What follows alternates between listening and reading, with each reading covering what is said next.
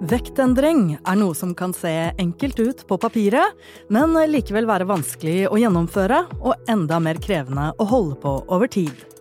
I dagens episode skal vi forsøke, selv om det er vanskelig, å finne ut hvordan du faktisk kan lykkes. Friskere viten, en podkast fra Nyco Plus om det du ikke allerede vet om helse og ernæring. Når vi spiller inn denne podkastepisoden, er vi på starten av et nytt år. I Oslo har vi kjempa oss av gårde på holke og glattis i nesten to måneder. Og for mange assosieres jo nytt år med nye begynnelser, blanke ark, nyttårsforsetter, dry January, trene litt, ta noen kilo. Og jeg syns det passer fint at temaet i dag er nettopp vektendring, og ikke bare den knytta til januar, men den vanskeligste, nemlig den varige. Jeg heter Arnhild, og dette er Friskere viten. Jeg sitter her heldigvis ikke alene i dag heller. Vi har med oss tre eksperter. Først vår faste kliniske ernæringsfysiolog, Åse Andresen. Har du sånn 'nå skal jeg starte et bedre liv'-innstilling ved inngangen til et nytt år, du? Nei, hver dag har jeg det. Ja. Ok, fortell litt om deg selv. Og ta gjerne med noe om den største misoppfatningen rundt vektendring som du har vært borti. Ja, så til daglig så jobber jeg som fag- og opplæringsansvarlig for Nyco Pluss, men jeg har jobbet mange år på sykehus som klinisk ernæringsfysiolog tidligere, blant annet med overvekt og fedme hos eh, barn spesielt. Mm. Eh, og det jeg ofte hører, det er dette med ja- og nei-mat. Men jeg tenker at det er ikke noe som heter det. Eh, alt kan egentlig inngå i et eh, sunt og variert kosthold. Det handler om mengde og hvor ofte man spiser det. Ikke sant. Så har vi fått med oss en klinisk ernæringsfysiolog til. Tine Sundfør, du har forsket på dette med overvekt, du har skrevet doktorgrad om 5-2-dietten, gitt ut bok, holder foredrag. Tine, veldig hyggelig at du kunne være med her hos oss i dag. Tusen takk. På nettsiden din siterer du Hippokrates, legekunstens far, la mat være din medisin og medisin være din mat. Det sa han for over 2000 år siden, så det er jo ikke et nytt tema det her, men stadig aktuelt. Tine, si litt om hvem du er og hva du driver med. Ja, jeg er jo også da klinisk ernæringsfysiolog som bakgrunn, og har som sagt, eh, som du allerede har nevnt, tatt en doktorgrad innenfor fagfeltet overvekt, hjerte-kar, diabetes, litt sånn krysningspunktet der. Um, jeg, for det første har jeg lyst til å si at jeg tror det jeg har lært aller mest av i forhold til dette med overvekt og fedme, det har jeg ikke lært som student, men jeg har lært av pasientene mine det at jeg har lært veldig mye om hvor komplekst dette er. Selvfølgelig kan man også lese om det i lærebøkene, men i og med at vi også snakket om dette her eh, hva er den største misoppfatningen? Mm. Så tror jeg det er når jeg hører folk si sånn ja, det handler om å ta seg sammen. For hvis det er én ting jeg tror jeg kan love at jeg aldri har sagt i min kliniske praksis, så er det til folk at vet du hva, nå må du bare gå hjem og ta deg sammen. Eh, og det er jo ikke fordi at det ikke handler om å gjøre endringer, men hvis det var sånn at eh, alkoholikeren bare kunne ta seg sammen, eller en som slet med angst bare kunne ta seg sammen, så hadde jo livet vært veldig enkelt. Ja, jeg føler at vi har kommet litt lenger på noen felter, at det er litt slutt på å si eh, ta deg sammen, men du hører det fortsatt? Ja, jeg hører det fortsatt. Ja. Absolutt. Ja, ja, ja. Og, men ellers til daglig, da, hva gjør jeg? Jo, jeg jobber delvis på forebyggende medisin på Vestre Viken eh, på Bærum sykehus, og så har jeg en bistilling på Høgskolen Kristiania, og så driver jeg delvis for meg sjøl, der jeg driver både med pasientvirksomhet i, da på et privatpraktiserende sted, og så har jeg veldig mye kurs- og konsulentoppdrag av ulik art. Bredt og variert. Bredt og variert, morsom hverdag. I tillegg har vi med oss Gøran Hjelmeset. Du er leder ved Senter for sykelig overvekt ved Sykehuset i Vestfold. Velkommen til eh, deg også. Si um, litt om din bakgrunn og hvilke problemstillinger du jobber med. Ja, jeg har Jeg er indremedisiner, nyrespesialist egentlig, og jobbet mye med diabetes klinisk. Eh, så har jeg eh, en doktorgrad på det med diabetes for mange år siden. Og så har jeg ledet dette senteret og utviklet dette senteret faglig siden 2004. Så vi har en svær forskningsavdeling, og ja, jeg har også en professorstilling ved Universitetet i Oslo. Så denne forskningsavdelingen vår driver med mye morsomt. og Akkurat nå avslutter vi f.eks. en veldig stor studie som vi har hatt i samarbeid med en kommersiell aktør hvor vi har eh, sett på forskjellen av rask vektreduksjon og langsom vektreduksjon over ett år. En studie som vi kaller Go Low-studien. Mm. Vi gleder oss ekstremt til å se resultatene av den studien. Jeg har ikke sett de selv ennå, så vi, vi, vi avslører det i løpet av noen få dager, tenker jeg. Og I tillegg så mm, starter vi nå en ny spennende studie på ungdom, hvor vi vil se på effekten og sikkerheten av en lavkaloridiett, en åtte ukers lavkaloridiett eh, hos ungdom med alvorlig fedme. og Disse ungdommene skal deretter eh, trekke lodd om en eh, veldig god vektreduserende medisin. og så vil vi se om denne vektreduserende medisinen i tillegg kan ha en ytterligere vektreduksjonseffekt, og også over ett år. og Det er en norsk multisenterstudie som starter opp først neste år. Så vi jobber med veldig mye spennende forskning, og så har vi veldig stor aktivitet på avdelingen vår òg. Vi har nærmere 2000 nye pasienter eh, årlig og nærmere, har nærmere 20 000 konsultasjoner årlig.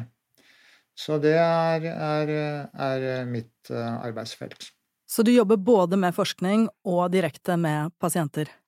Jeg jobber mest med forskning, så jeg jobber lite direkte med pasienter. Jeg snakker med legene mine, som jeg kaller dem, daglig og, og konsulterer de, eh, men har liten direkte pasientkontaktbehandling. Min pasientkontakt den er stort sett gjennom media. Og så vil jeg gjerne spørre deg også. Du i din jobb har sikkert hørt noe pussig om eh, vektreduksjon?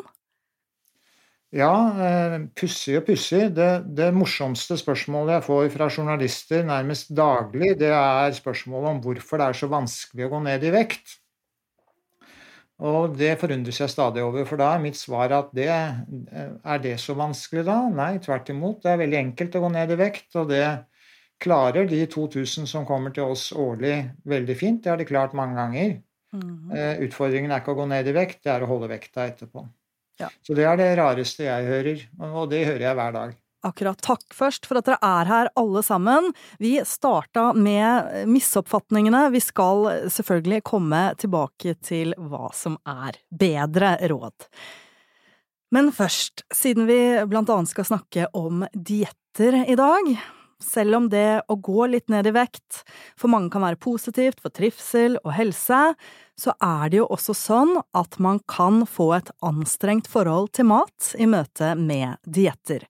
Mange går løs på disse på egen hånd, leser seg mer eller mindre opp på den varianten de har bestemt seg for. Målet er å redusere antall kalorier gjennom ulike slags regelsystem man må følge. Men Gøran, hva vil du si er den beste måten å gå i gang med vektreduksjon hvis man samtidig vil unngå et anstrengt forhold til mat? Nei, altså jeg, jeg eh, har ikke noe fasit på det, og det er komplekst, som, eh, som Trine sa tidligere i dag. Altså dette her er ikke eh, enkelt. Men jeg tror det er overvurdert faren for dette anstrengte forholdet til mat i forhold til dietter. Jeg tror at eh, min erfaring og vår erfaring gjennom forskning og det som står i vitenskapelig litteratur, er at det kanskje heller er slik at de som har et anstrengt forhold til mat, de får ikke et mindre anstrengt forhold til mat om de eh, starter med en eller annen diett. Mm. Så den faren, den mener jeg er overvurdert. Ja. Og så kan du si at eh, det, hvordan folk vil gå ned i vekt, det må de finne ut sjøl. Og gjerne i, etter samtaler med flinke folk som kan litt om det, og, og få råd. Men forskjellige mennesker har forskjellige måter å gå ned i vekt på, og, og, og kan tilpasse seg forskjellige dietter og, få suksess. Og de to hovedmåtene å gå ned i vekt på er de jeg nevnte, som vi nettopp har gjort en ganske stor studie på, med over eller nærmere 300 personer som har trukket lodd om den ene eller den andre måten å gå ned i vekt på. Eh, det tror jeg er individuelt. Noen eh, syns det er fint med en kickstart, andre vil bruke tid. Mm. Åse, hva tenker du om eh, hvordan å unngå å få et anstrengt forhold til mat? Jeg som har jobbet kanskje mest med barn og unge, er veldig opptatt av å se hele familien. Man kan ikke forvente at barn skal spise sunnere enn foreldrene sine. Eh, så det å, ta hele familien i betraktning eh, under behandling, det er veldig, veldig viktig. Vi ser jo dette på kostholdsundersøkelsen i Norge også, at det er kanskje bare en fjerdedel av oss som får til å spise fem om dagen med frukt og grønt og fire porsjoner fullkornsprodukter osv. Da er det ikke så rart at ikke barna er noe flinkere enn foreldrene til å følge de kostrådene. Mm. Så med tanke på barn, la foreldrene være gode forbilder? Absolutt. Tine, du har gjennomført den lengste studien på 5-2-dietten, så dette skal vi selvfølgelig komme nærmere inn på. Men først, ehm, hva er ditt beste råd for å unngå at mat i seg selv blir noe problematisk? Er du enig med Gøran i at det egentlig er en litt overdreven problemstilling? Ja, jeg er absolutt enig med Gøran. Eh, jeg tror at sånn som, eller Sånn som det er i dag, så vet vi jo at over 70% av voksne nordmenn har overvekt eller fedme. Og det er et større folkehelseproblem enn dette med et anstrengt forhold til mat. Mm. Når det er sagt, så tror jeg i hvert fall ikke at det er helsearbeiderne som er med på å øke risikoen for det anstrengte forholdet til mat, men jeg ser jo at barn og unge spesielt får utrolig mye informasjon via TikTok, YouTube osv. som ikke akkurat nødvendigvis er så sunn og god informasjon, og det handler jo veldig mye om at dette med vektproblematikk er flyttet over til noe som handler om skjønnhet, mote, idealer, og det er jo ikke det vi snakker om her i dag når vi snakker om dette med å gå ned i vekt, for da snakker vi om det å gå ned i vekt ut ifra at det vil gi deg en helsegevinst. Og da begynner du med et annet utgangspunkt enn at du tror at eh, nå skal du se, ha akkurat den rumpa eller eh, vaskebrett på magen. Absolutt, og det er det vi vil poengtere, men at når man snakker om diett, så er det litt viktig å også adressere det her, for når man snakker om dietter og vektreduksjon, som du sier, Tine, så har vi også dette spøkelset i bakgrunnen med kroppspress og det evinnelige idealet om å være tynn, som heller ikke er så bra, men det er, det er to forskjellige debatter, på en måte. To litt ulike debatter, og hvis jeg kan si en replikk til til det, så er det akkurat at husk på at diet på engelsk, som vi ofte henter informasjonen vår fra, det betyr kosthold. Ja. Så Mediterranean diet, for eksempel, ja. er i Norge veldig mye blitt oversatt til middelhavsdietten. Ja. Men det er egentlig ikke tenkt som en diett. Det er tenkt som varige kostholdsendringer. Det er et kosthold. Ja. Eh, sånn at jeg tror vi, idet vi tenker på noe som diett, så tenker vi på det som noe som er veldig sånn kortvarig og spesielt og ekstremt, mens hvis vi snakker om kosthold, så tror jeg veldig ofte at vi tenker på noe annet. Og jeg tror ikke det er det å forsøke å følge Helsedirektoratet sine kostholdsråd med å prøve å motivere seg til å spise mer frukt og grønnsaker, for eksempel, som gir et problem, men jeg tror det er når du får sånn spesifikk informasjon om at du må eh, spise quinoa for å få detox eller gå på juicing crew.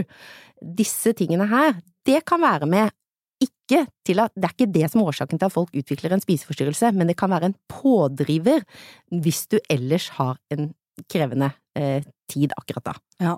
Det er et veldig viktig poeng du gjør der, og at også disse to eh, tilnærmingene eksisterer parallelt i mm. samfunnet, som kan føre til en sammenblanding. Um, hvordan skal vi forresten Jeg, jeg lurer på, ja. jeg, jeg, kunne også tenke meg å kommentere akkurat det der, fordi vi ser i den delen av befolkningen som vi jobber med, de som har sykelig overvekt, så er det jo ganske mange som også har en spiseforstyrrelse, det vi kaller for en overspisingslidelse. Eh, og der er det en utfordring, fordi det er veldig vanskelig å behandle overspisingslidelse og overvekt samtidig. Så da er det dessverre slik at da må pasienten selv velge hva som er det største problemet, og så er det overspisingslidelsen som er problemet, så må den behandles, men da er ikke vektreduksjon et mål. Tvert imot, da kan vektreduksjon ødelegge. Så dette er ganske komplisert. Men hva som er høna og egget her, om det var overspisingslidelsen som var starten på overvekten, eller omvendt, det er sannsynligvis ingen av delene. Det er selvforsterkende, og det er personer som har et problem, som gir to lidelser. Ja. Og Og det er vi jo. Når vi jobber, når jeg jobber i klinikken, så er vi jo veldig opptatt av nettopp å kartlegge dette her, da, og snakke med pasienten vår om hvordan, ikke sant, er det sånn at når du spiser så er det nesten så du har en blackout og du har kasta i deg mat uten at du vet hva som skjedde, eller er, handler det om at det blir litt for lite bevegelse og litt for mye mat, ikke sant?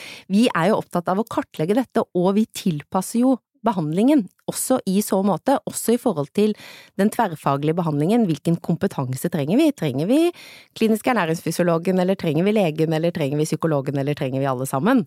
Så det er jo et problem igjen når man henter derimot informasjon fra nettet, for den spør deg veldig lite om hvordan du egentlig har det, og hvordan mm. ditt forhold til mat er. Men da har vi kartlagt hvilken på hvilken måte vi snakker om vektreduksjon i dag. Eh, for det er jo ikke til å komme unna at eh, vektreduksjon vil være fordelaktig for en del av oss. Én av fem kvinner og én av fire menn i Norge lever med fedme, og overvekt er den nye normalen, er det ikke sånn? Ja, der syns jo jeg ikke vi skal kalle det fortsatt Altså, der var det jo en veldig diskusjon her for en stund siden om man nå skulle flytte BMI-grensen fordi at de fleste, eh, fleste, hadde overvekt, men der sånn så tenker jeg kan vi bare endre begrepet og kalle det optimal, og når, ja, selv om det ikke er det som er normalen for folk, så vet vi fortsatt at optimalt for helsa er det å ha en BMI som er noe lavere. Ja, for jeg hadde litt lyst til å spørre hvordan vi skulle forholde oss til dette med BMI, som ja, som du sier, det er en diskusjon om hva som faktisk er for høy vekt. Har dere noe innspill til det, om man skal forholde seg slavisk til BMI-skalaen? Du sa ditt, Gøran, har du en kommentar? Ja, jeg var jo involvert i denne såkalte krangelen mellom eksperter eh, og vår kollega i, i Trondheim, og jeg syns det er helt meningsløst eh, å snakke om at eh, hvis alle bryter fartsgrensen på motorveiene, som er 110, og alle kjører i 130, så skal den nye normalen være å kjøre i 130. Det er en grunn til at man har en fartsgrense, og det er en grunn til at vi har en BMI-grense. og BMI-grensen den er ganske enkelt eh, satt av forsikringsmessige grunner i utgangspunktet, og justert etter det. og Risikoen for eh, alvorlig eh, fedme- eller vektrelaterte følgesykdommer den øker betydelig fra BMI 30 oppover i en befolkning. Eh, og den risikoen blir ikke noe mindre om noen måtte mene at det er normalt. Så det er helt meningsløst å diskutere det. Fedme er en risikofaktor for sykdom, både psykisk og fysisk sykdom. Og økende grad av fedme gir en økende grad av risiko. Så ja. det er ikke ønskelig å ha fedme. Eh, så å normalisere det, det vil være helt tullete, spør du meg. Ja.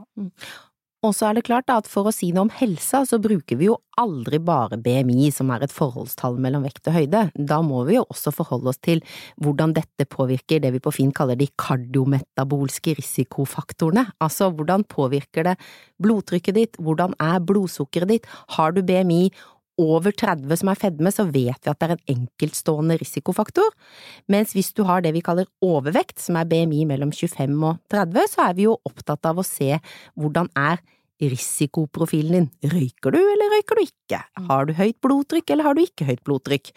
Og hva som da er anbefalt, kan jo godt være å heller prøve å unngå å gå opp i vekt, enn det er nødvendigvis å gå ned i vekt. Men der er det viktig også å poengtere at for å unngå å gå opp i vekt, så er det mange som må gjøre en endring, for ellers så fortsetter den oppover og oppover. Så som med alt annet så er det flere faktorer Flere faktorer som spiller inn, absolutt. Og der kan jeg jo skyte inn at med barn så er det jo De er jo fortsatt i vekst også. Så for enkelte barn så vil det være nok å bare prøve å holde vekten og heller vokse seg inn ja. i normalvekt.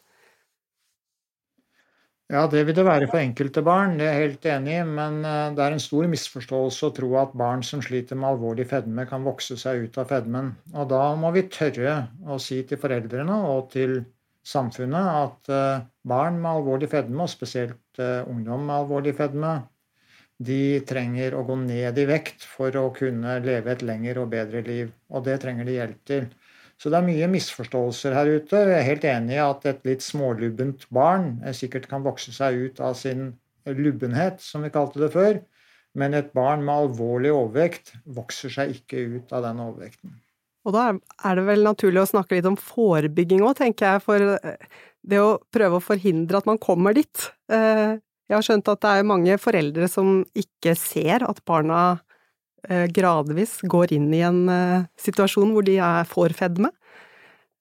Så jeg vet ikke løsningen på det, men men vi kan ikke la det være opp til foreldrene, i hvert fall. Nei, det er ganske overraskende, akkurat som du sier. Man har jo faktisk gjort studier på det, hvor man har spurt foreldre hvordan de oppfatter barna, mens, og veldig mange av de ser de som normalvektlige eller litt smålubne, mens de i henhold til, hvis vi ser på disse retningslinjene som er da laget ut ifra forskning, hvordan vi vet at risikoen øker, de er i alvorlig fedme. Mm.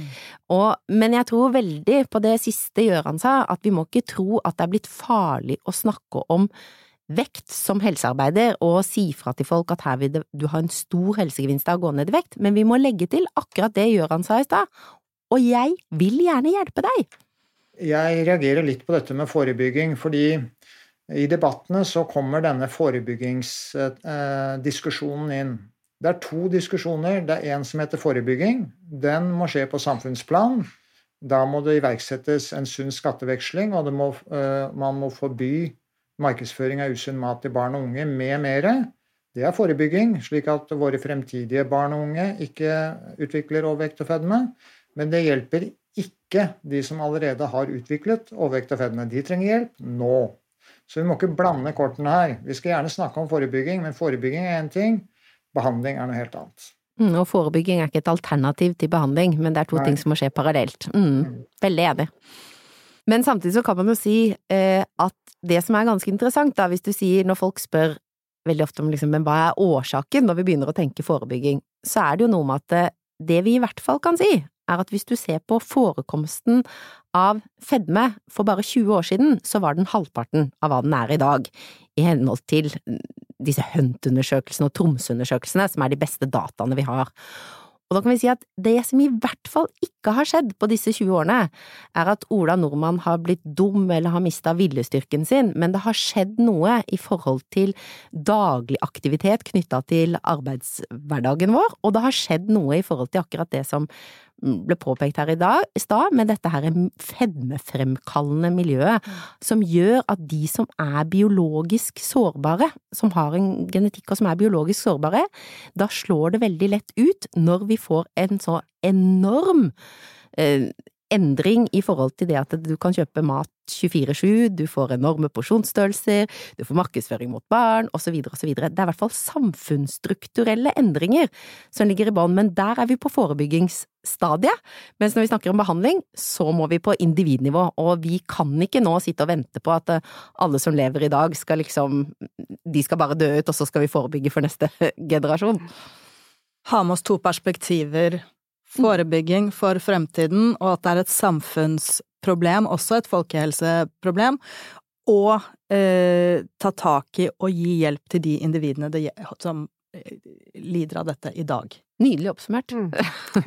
Nå skal vi bevege oss over på nettopp det, ikke sant, hvordan eh, gjøre noe med det. I dag, og Tine, du har jo um, forsket på 5-2-dietten. Du trenger sikkert et kvarter, skal du få eh, snakket oss gjennom den.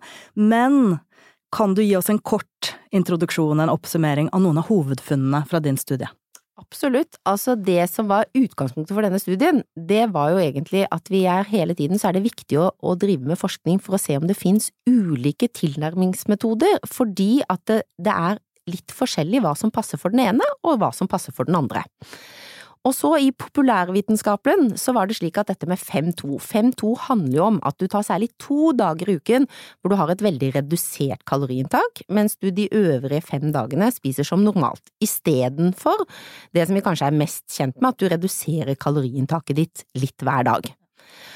Og så var det jo noe med at her så var det en som heter Michael Mosley. Han kom på Skavlan og fortalte om sine 5-2-bøker, og da tror jo mannen i gata i Norge at når du har vært på Skavlan, da må dette her være vitenskapelig dokumentert. Skavlan har fått sette dagsorden, han. Ikke ja. sant? Men faktum var at når vi begynte å se, begynte å se på forskningen, så var det som var gjort, det var kun korttidsstudier. Studier som varte maksimalt tolv uker. Mm. Og det var veldig få humanstudier, altså studier gjort på mennesker mennesker.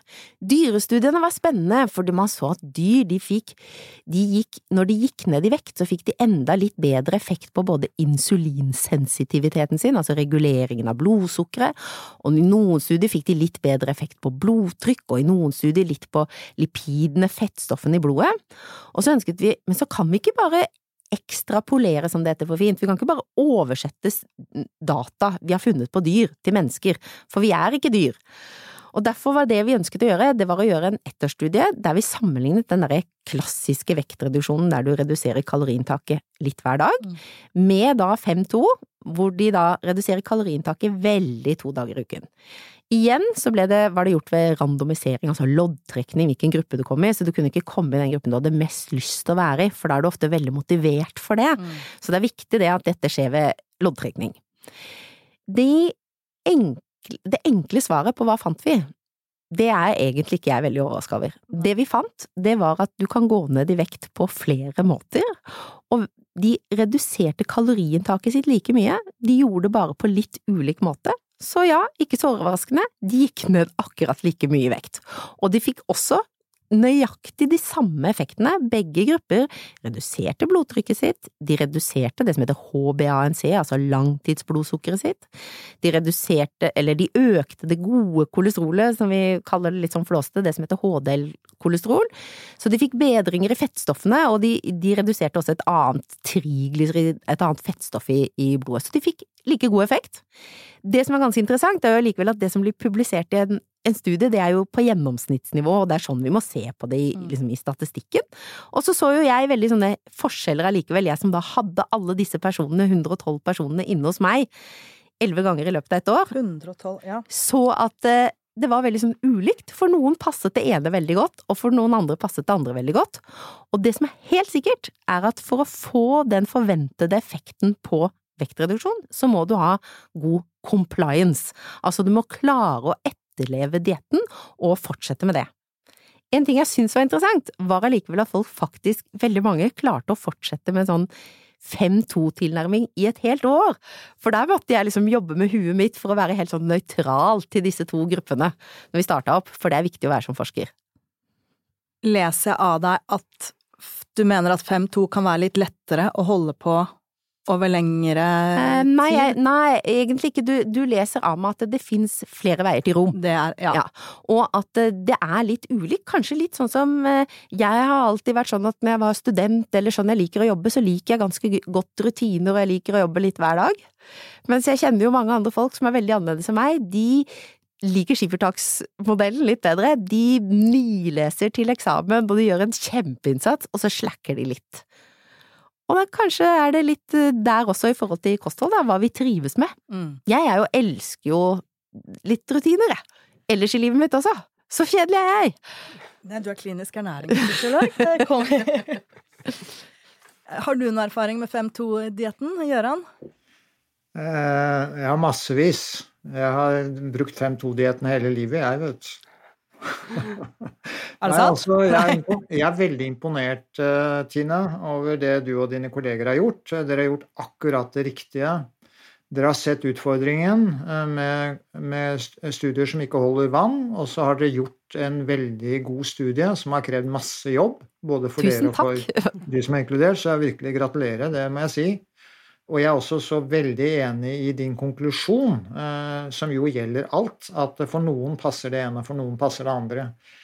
Eh, for våre pasienter eh, Jeg snakket litt med vår ernæringsfysiolog, eh, Line Kristin Jonsson, som har snakket med veldig mange pasienter eh, hos oss. og så sier hun at ja, det er noen som syns 5-2-dietten har fungert bra, eh, og så er det ganske mange som syns det blir litt vanskelig fordi det, det blir for komplisert, som, som Tine også var inne på de liker bedre å gjøre det samme hele tiden enn å liksom eh, ta ut to dager av uka. Det blir litt for komplisert. Men, eh, men studien viser jo at, eh, at, det gjennomsnittlige er likeverdig, og det syns jeg Jeg tenker det er ikke flere som gidder å gjøre noen sånne studier, for det har dere vist nå, og at det er forskjell på folk. Men når det er sagt, så tenker jeg at andre måter med periodisk faste kan være interessante, og det er veldig mye i som tyder nå på at um, noen kan ha nytte av å spise færre timer i løpet av en dag, f.eks. spise innenfor et tidsrom Nå snakker jeg om biologisk nytte mest, da. Altså spise mellom klokken 8 og 16 f.eks., og så ikke spise noen kalorier mellom klokken 16 og 8 neste dag. Da er det noen studier som tyder på at det kan ha gunstige effekter på forskjellige ting.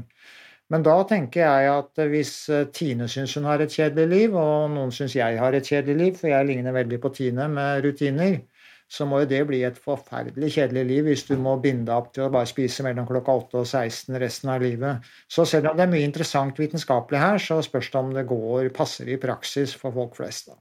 Men kan du nevne et par ting annet enn vektreduksjon, som eh, fordelaktige ting man kan oppnå ved periodisk faste, som du nevner? Nei, når det gjelder dyr, altså mus, så mener man jo har påvist at de faktisk lever lenger. Eh, og spesielt hvis de spiser mindre, eh, altså spiser mindre enn før. Eh, når det gjelder mennesker, så har man påvist at både blodtrykket og blodsukker og fettstoffene i blodet og en rekke andre såkalte metabolske faktorer, altså det som har med risikofaktorer bl.a. for hjerte-karsykdom å gjøre, har blitt bedre i korttidsstudier. Men her er det også bare korttidsstudier, så dette er ikke noe bevist eh, noe som helst ennå. Men det foregår en masse interessante studier rundt omkring. Eh, problemet tror jeg kommer til å bli hvordan eh, kan disse Hvis resultatene er så gode som det ser ut til, hvordan kan dette gjøres i praksis? Jeg tror det blir veldig vanskelig.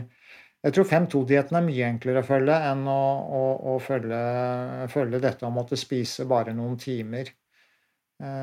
Men, ehm, men det er spennende. Vi, er, vi vet ikke. Er det noen andre dietter dere kan anbefale, eller eventuelt ikke anbefale?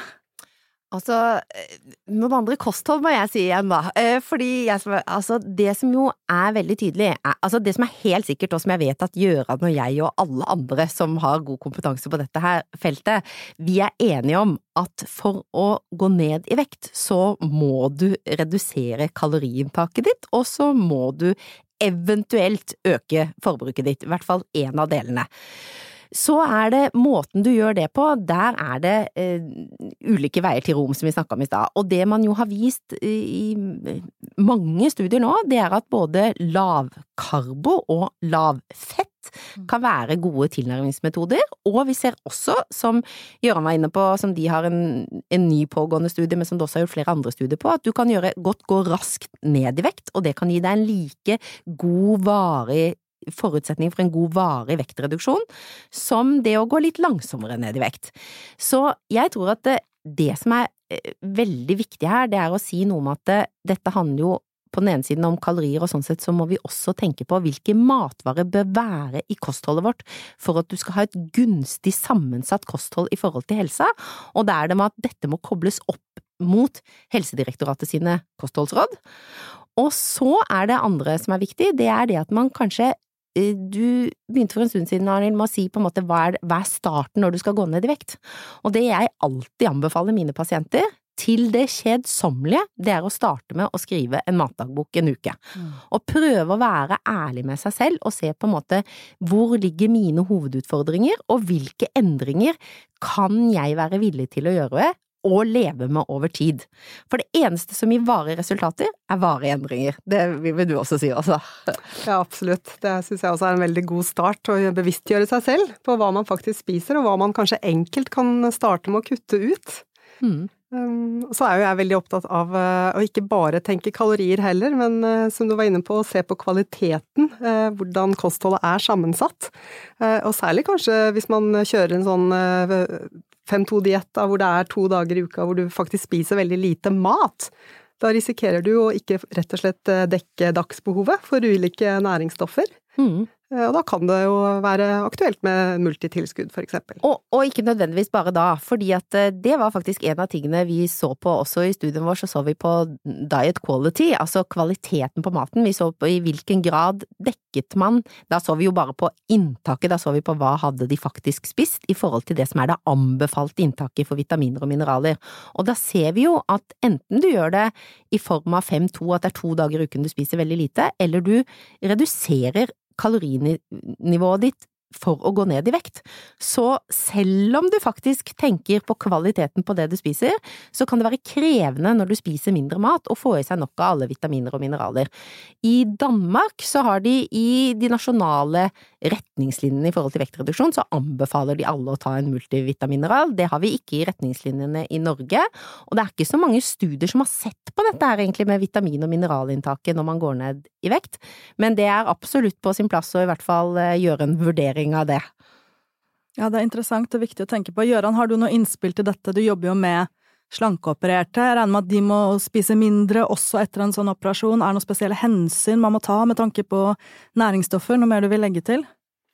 Ja, slankeoperert er én ting, men jeg leder også, hvis jeg kan vente litt med det, jeg leder jo også Nasjonalt råd for ernæring. Jeg er litt opptatt av de norske kostrådene som det har vært snakket litt om, for å ta en litt mykere overgang. Og det var en interessant debatt på Debatten for noen år siden hvor eh, han eh, Birger Svihus fikk seg til å si noe om at norske kostråd de gjorde jo at norsk, nordmenn ble fetere og ikke slankere. og og da, da, ble han arrestert av, eh, av, Rune Blomhoff, eh, som jo eh, har ledet utarbeidelsen av de norske kostrådene, som kunne fortelle at hvis du fulgte de norske kostrådene til punkt og prikke, så er det egentlig en slankekur, holdt jeg på å si. Altså det er, det er plass til mange flere kalorier for å holde vekta enn det som står konkret i kostrådene.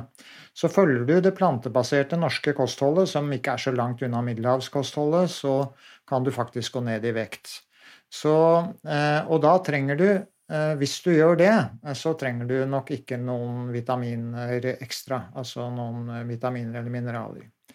Når det gjelder de som opereres, eh, ja, så, så trenger de tilskudd. Og de anbefales, og det gjør de fordi de eh, to typene vektreduserende operasjoner vi har i dag, de eh, fører til at spesielt som heter, den som heter gastrisk bypass, fører til at det blir nedsatt opptak av både kalsium og vitamin D, og da trenger de det.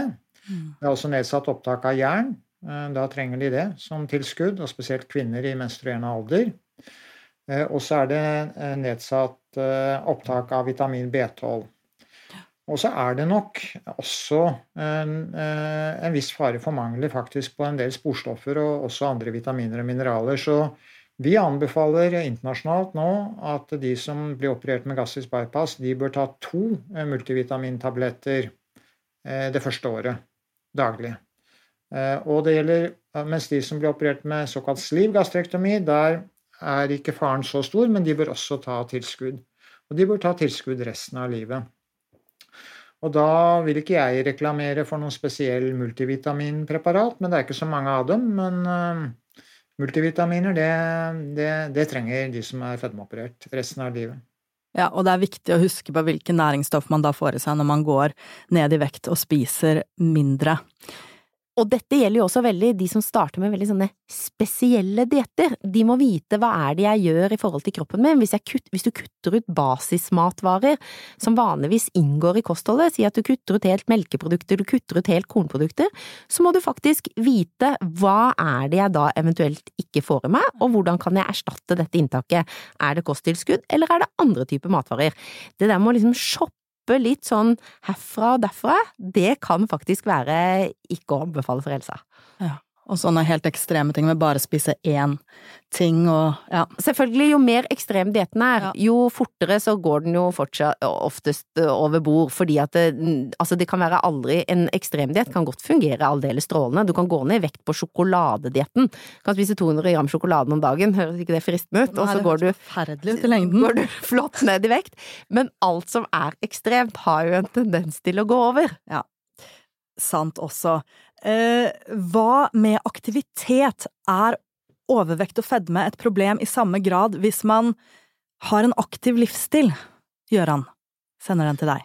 Eh, ja, problem for hvem? Altså det er jo ikke alle som har overvekt som syns det er noe problem, og det skal de ikke synes heller nødvendigvis. Og det er ikke alle som har fedme som heller oppfatter det som et problem. Og selv om de har økt risiko for hjerte-karsykdom, og den er økende med økende grad av overvekt, så, og fed, økende grad av fedme, får jeg si, så, så, er det jo først og fremst kanskje et samfunnsproblem eh, opp til en viss eh, kategori, men ved sykelig overvekt, da er det jo et problem. Eh, og så da vil jeg si at fysisk aktivitet det er bra for alle. Enten du er tynn, tykk eller, eller rad, eh, radmager, så er det flott med fysisk aktivitet. Det er masse helsegevinst å hente der. Men eh, det nøytraliserer ikke skaden av fedmen. Det gjør det ikke. Det lindrer litt av skadeeffekten, men det nøytraliserer den ikke. Så du kan ikke trene deg ut Eh, trene deg tilbake til, eh, til, en god helse eh, hvis du har alvorlig overvekt. Så aktivitet beskytter ikke, på en måte? Jo, det beskytter i seg selv, men det beskytter oss alle. Det beskytter deg og meg og dere som sitter i studio. Så det, det, det, det er ikke noe dårligere effekt hos de som har overvekt og fedme, men risikoen ved overvekt og fedme den er for høy til at mm. den kan bli nøytralisert. Men er det lov å spørre, litt sånn tabloid, er det bedre å være litt overvektig og veldig aktiv, eller normalvektig og ikke aktiv? Ja, det er lov å spørre, men jeg kan ikke svare på det. Nei, Og det kommer sikkert an på mange faktorer, tipper jeg. ja, og, og, så tenker jeg også bare til akkurat det, hvis vi hopper et hakk tilbake, da, så er jo også spørsmålet til mange er kan jeg trene meg ned i vekt? Mm. Og der er det jo litt sånn at der viser jo forskningen at uh, trening gir, uh, i de store studiene, ikke vektreduksjon, men derfor må det også understrekes at det er allikevel gunstig, fordi det minsker risikoen for veldig mange av disse livsstilssykdommene hos en som har overvekt eller har fedme, på samme måte som hos en som er slank. Så det er gunstig, så som Gøran sa, bare understreke det, gunstig for alle å trene. Så ikke slutt med å trene fordi du ikke vil gå ned i vekt av det, men ikke tro at det å bare trene eh, eller bare trene i gåsetegn, vil kunne gjøre at eh, du går ned de ønskede kiloene. Da må man jobbe med kosthold, og eventuelt må man kanskje ha medikamentell behandling i tillegg. Jeg vil supplere det, Tina. For eh, det er, jo riktig at studier viser at det å, på, å, råde folk til trening ikke gir vektreduksjon, men det er klart at det er like effektivt å, å, å brenne 500 kilokalorier som å redusere inntaket av 500 mm. kilokalorier. Så hvis du f.eks. jogger tre kvarter hver eneste dag i 365 dager i året og ikke spiser mer etterpå, så kan du gå like mye ned i vekst som om du reduserer inntaket med 500 kilokalorier. Problemet er at det er ikke gjennomførbart. Altså det blir ikke gjort. og Akkurat som med medisiner, tabletter, de virker ikke når de ligger i glasset. De virker bare når du tar dem. Så skal du ha en blodtrykksmedisin, den virker bare når du har puttet den inn i munnen og svelget den. Da virker blodtrykksmedisin. Den virker ikke i glasset. Og trening, det virker bare når du trener. Men hvis du ikke trener, så virker Nei, ikke trening. Og som Gøran sier, én ting er jo på en måte hva vi ser her igjen, da, hva vi ser i studier og ser på gjennomsnittsnivå, men hvis du snakker med Gjert Ingebrigtsen, som kanskje folk har fått med seg, som har gått over tre timer hver eneste dag og gått ned i vekt, ikke sant, hvis du klarer å ikke, som Gøran sier, da, å spise opp igjen de kaloriene, så er det klart du vil gå ned i vekt, så han vil jo protestere og si at jo, jo, fysisk aktivitet hjelper jo, for for han hjalp jo det. Men, eh, så én ting er hva vi ser på gjennomsnittsnivå i de store studiene, og så er det individer som har gjort ting som de kanskje har fått til, men som de fleste ikke får til. Men det tror jeg er litt overraskende for noen at trening faktisk ikke har så mye å si. Eh, jeg har hørt at trening står for 10% og kosthold for 90% Jeg syns det er ganske nedslående, for det er mye morsommere å trene enn å ikke spise. um, men ja, det, som dere sier, kalorier inn og kalorier ut. Man kan bruke en joggetur. Og så er én ting, vi ser ikke at det har så mye å se, si i forhold til vektreduksjonsfasen, men når man har sett på studier på de som har klart å gå ned 10–15% av vekta si og har vært der over tid, så ser man at veldig, veldig det som, En av de tingene som går igjen, er at de har jevnlig fysisk aktivitet i mellom 60 og 90 minutter hver dag mm. for å unngå å gå opp i vekt. Så for å holde vekta, så kan det være et godt instrument? Mm. Et av, av mange av flere gode instrumenter. Definitivt. Og dette kan jo være positivt også, jeg vil tro at det kan være overveldende å gå i gang med vektreduksjon, og det at mm. man da ikke må begynne å trene masse, også hvis man ikke er så glad i det, så blir det ikke et like overveldende prosjekt. Også der igjen, da, så er man individer, for jeg har også mange pasienter som er helt motsatt, som opplever så veldig mestringsfølelse av det å få til treninga. Det er noe du gjør akkurat der og da, så det er med på å styrke mestringstroen, det er med på å styrke troen på at jeg er av de som klarer å gjennomføre endring, og da går de plutselig hjem, og så klarer de også i tillegg å gjøre gode endringer i matvarevalget sitt, sånn at det kan også bidra veldig, veldig positivt. Og så er det jo en ting som heter fysisk helse, og så er det en ting som heter mental helse. Mm. Og der ser man jo også at det med trening kan være en veldig sånn eh, god ting å ta med seg inn, fordi at eh, hvis vi snakket om i stad at selv om du ikke nødvendigvis har en spiseforstyrrelse, så har de fleste en grad av at de også bruker mat for å håndtere følelser, selv om det ikke er til det ekstreme så vi snakker om en overspisingslidelse. Og da ser man at noen kan oppleve at det å faktisk putte inn trening kan gjøre det lettere fordi de får et annet mestringsverktøy. Og det er jo veldig, veldig viktig for å få til dette her over tid. Mm. Litt videre på dette med aktivitet, for jeg har sett for meg at vårt stillesittende samfunn er noe av grunnen til at overvekt har blitt et folkehelseproblem, men hvis trening og aktivitet ikke spiller så mye inn på vekt, så ligger kanskje grunnen et annet sted, selv om stillesittinga ikke er bra for helsa, den heller. Stemmer det, Tine? Hva er årsaken til at vi blir stadig tyngre. Og hvis jeg hadde svar på det, vet du, så fikk jeg nobelprisen. Nei, altså jeg har jo en del av svaret, selvfølgelig, men igjen da, dette her er så multifaktorielt. Altså det handler om både type mat vi spiser. Vi klarer ikke helt å vise i kostholdsundersøkelser at vi på gjennomsnittsnivå spiser mer mat. Eh, men det er jo også veldig vanskelig å gjøre kostholdsundersøkelser, for hvis du skal gå tilbake og så skal du svare på hva du spiser, så er det nok antagelig lettere å huske det du spiser til måltidene enn det som på en måte bare forsvinner innimellom måltidene, så det er mange svakheter, dessverre, knytta til eh, kostholdsundersøkelser. Men vi vet jo at vi har fått en vridning i, i type, type, mat, at der ligger nok noe. Så ligger noe i det der med en lavere At vi kanskje ikke trener mindre, men at vi har mindre daglig aktivitet, som du var inne på, Arnhild, at vi sitter med på rumpa. Vi har arbeidshverdag som gjør at når vi kommer hjem fra jobb, så er vi slitne, men vi er slitne i huet. Før så var man jo sliten fordi man man i tillegg hadde brukt kroppen sin. Sånn at det, det er klart at det er skjedd veldig mange endringer, og så kan du snakke om helt andre ting enn dette igjen, for eksempel søvn som en faktor, for eksempel dette her med digitalisert verden og stress og hvordan påvirker det oss, altså, så det er veldig multifaktorelt, samtidig som det er de to hovedtingene at det er energi inn og energi ut. Mm. Jeg har en tilleggskommentar på, på, det Tine sa. Jeg er helt enig i at det er multifaktorelt, men Innenfor fedmeepidemiologien da, så vil nok man ut fra, ikke fra kostholdsundersøkelse, men ut fra rett og slett matproduksjonen og matsalget, f.eks. i USA, så vil nok eh, mange argumentere med at eh, økt eh, tilbud og økt, økt mengde billig kaloritett mat startet på 60-tallet, og da startet fedmeepidemien å utvikle seg. Så fra 1960 og utover så, så, så, jeg mener bestemt, sånn som jeg tolker epidemiologien, i hvert fall at det er økt matinntak, til tross for at man ikke har kunnet bekrefte det i alle undersøkelser, som er hovedårsaken. Mm. Og etter den industrielle revolusjonen så har eh, hele verdens befolkning, og den vestlige befolkningen, og inkludert Norge, blitt mer passive og, og, og, sitter mer, men det er en større økning i inntak av mat enn eh, reduksjon i aktivitet. Og aktivitet, eh, for å bare ha sagt det en gang til, at eh, det å jogge tre kvarter hver dag, det er det ingen som gjør. Eh, men det mange tror, er at de er så veldig flinke hvis de tar seg en joggetur to dager i uken på en halvtimes tid. Mm. Og så kommer de til doktoren og så sier de, ja, men doktor, nå har jeg begynt å jogge to ganger i uken, en halvtime to ganger i uken. Hvorfor går jeg ikke ned i vekt? Og det er klart at den joggeturen på en halvtime, da brenner de 250 kilokalorier to dager i uken. Det er jo ingenting. Mm. Det er jo liksom Det er skikkelig vann på gåsa. Ingenting. Så eh, trening og fysisk aktivitet, det er betydelig overdrevet. Eh, det er vi helt enige om, Tine og jeg.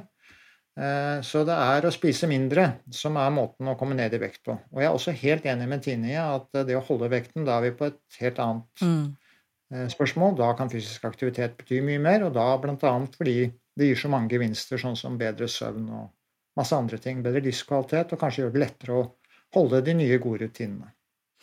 Også som Gøran sier akkurat nå, at det der i forhold til fysisk aktivitet, hvis vi tenker på sånn de fleste har økt, de fleste i hvert fall, noen gjør vekthopp, men de fleste som har gått opp i vekt, de har jo seget oppover et par kilo i året, ikke sant, så har de kanskje seget oppover to–tre kilo i året i ti år, og så er det blitt til 30 kilo. Og da oppdager man det eller? Og da oppdager ja. man det. Og det kan også henge sammen med både Ikke sant, det er en så liten økning i matinntaket hver dag som påvirker det, eller en så liten ubalanse i at det er lite aktivitet, mens når man skal ned i vekt for at de fleste skal opprettholde motivasjon, så er det ikke så vil ikke liksom starte på noe som skal gjøre at du kan gå ned to til tre kilo i året og holde på i ti år for å ha gått mm. ned disse 30 ekstra kiloene. Sånn at da har man en forventning om at det skal gå mye raskere den motsatte veien. Derfor er ikke de to tingene helt sammenlignbare, det der med hvordan går vi opp versus hvordan går vi ned. For det er den lille ubalansen dag etter dag etter dag som bidrar til økningen, mens nedgangen, da må du ha en større ubalanse for at det skal skje noe på litt kortere tid, sånn at du faktisk kan se det på badevekta etter to uker. Det er åpenbart når du sier det, men det er sånn man kanskje ikke tenker over. Eh, til slutt, for å oppsummere litt, hva er da ekspertenes beste tips, hvis man skal velge ett, for varig vektnedgang? Begynn med deg, Åse. Nei, som jeg har sagt mange ganger før, jeg liker å ha fokus på det man bør spise mer av istedenfor mindre av. Hvis man eh, tar utgangspunkt i kostrådene til Helsedirektoratet med fem om dagen med frukt og grønt osv., så, videre, så eh, kommer man veldig langt. Jeg tror ingen av oss er eh, uenige om det, det ville overraske meg, men eh, hvis jeg legger til da at dette med å tenke på sammensetningen på måltidet ditt, hvis du til hvert eneste måltid ser for deg denne her klassiske tallerkenmodellen, og hvis du da har overvekt og prøver å tenke at minimum halvparten av tallerkenen min, enten jeg spiser frokost eller lunsj eller middag, skal være grønnsaker, eventuelt frukt og bær, kanskje passer bedre til frokost, og så deler du de to andre delene mellom at det er noe fullkornsvariant av, av kornprodukter, eventuelt potet, og så er det en proteinrik del. Da kommer du veldig langt, fordi at ved å gjøre det så kan du ha det samme volumet på tallerkenen din, og det har en god del å si i forhold til metthetsfølelsen, og også det visuelle, om det ser ut som du spiser mye eller lite, som også påvirker metthetsfølelsen. Så det med å ta med inn den klassiske tallerkenmodellen når du setter sammen eh, måltidene dine, det er et hot tips. Takk, Tine. Og til slutt, Gjøran. Ja, det, det, er eh, Vi har jo snakket om mange fornuftige måter å holde vekten på her nå, og jeg tenkte at kanskje istedenfor å, å ramse opp to-tre ting som jeg pleier å gjøre, så tenkte jeg kanskje jeg skulle bare gi ett tips fra mitt perspektiv, da. Perfekt. Eh, og det ene tipset, eh, det, det, sikrer eh, det individuelle perspektivet her, da, man, hvordan man nå måtte ønske å gjøre det. Og det er rett og slett å tørre å veie seg regelmessig. Så hvis du går ned i vekt, så kommer du ned til en vekt som du kanskje ønsker. Og for å holde den vekten, så må du Det er også ganske enkelt. Du må veie deg for å se om du holder vekten. Det nytter ikke å kjenne på tøyet og tro at det strammer med en gang du går opp en kilo eller to. Så vei deg regelmessig minst én gang i uka, vil jeg si, hvis du ønsker å holde vekten. Og hvis vekten begynner å stige, da må du gjøre noe. Mm. Da må du enten øke aktiviteten og eller spise mindre. Eh, og så er du tilbake på sporet. Livet er mer enn vekt, men dersom dette er noe du står i akkurat nå og ønsker å gjøre noe med, så håper jeg du fikk noe ut av denne episoden. Denne sesongen har vi også en episode om sunnhet, hvor vi plukker dette begrepet fra hverandre, snakker om matens nytteverdi og spør hva som egentlig er sunt, og hva som er sunt nok. Den kan kanskje også være verdt å sjekke ut dersom du synes dagens episode var interessant.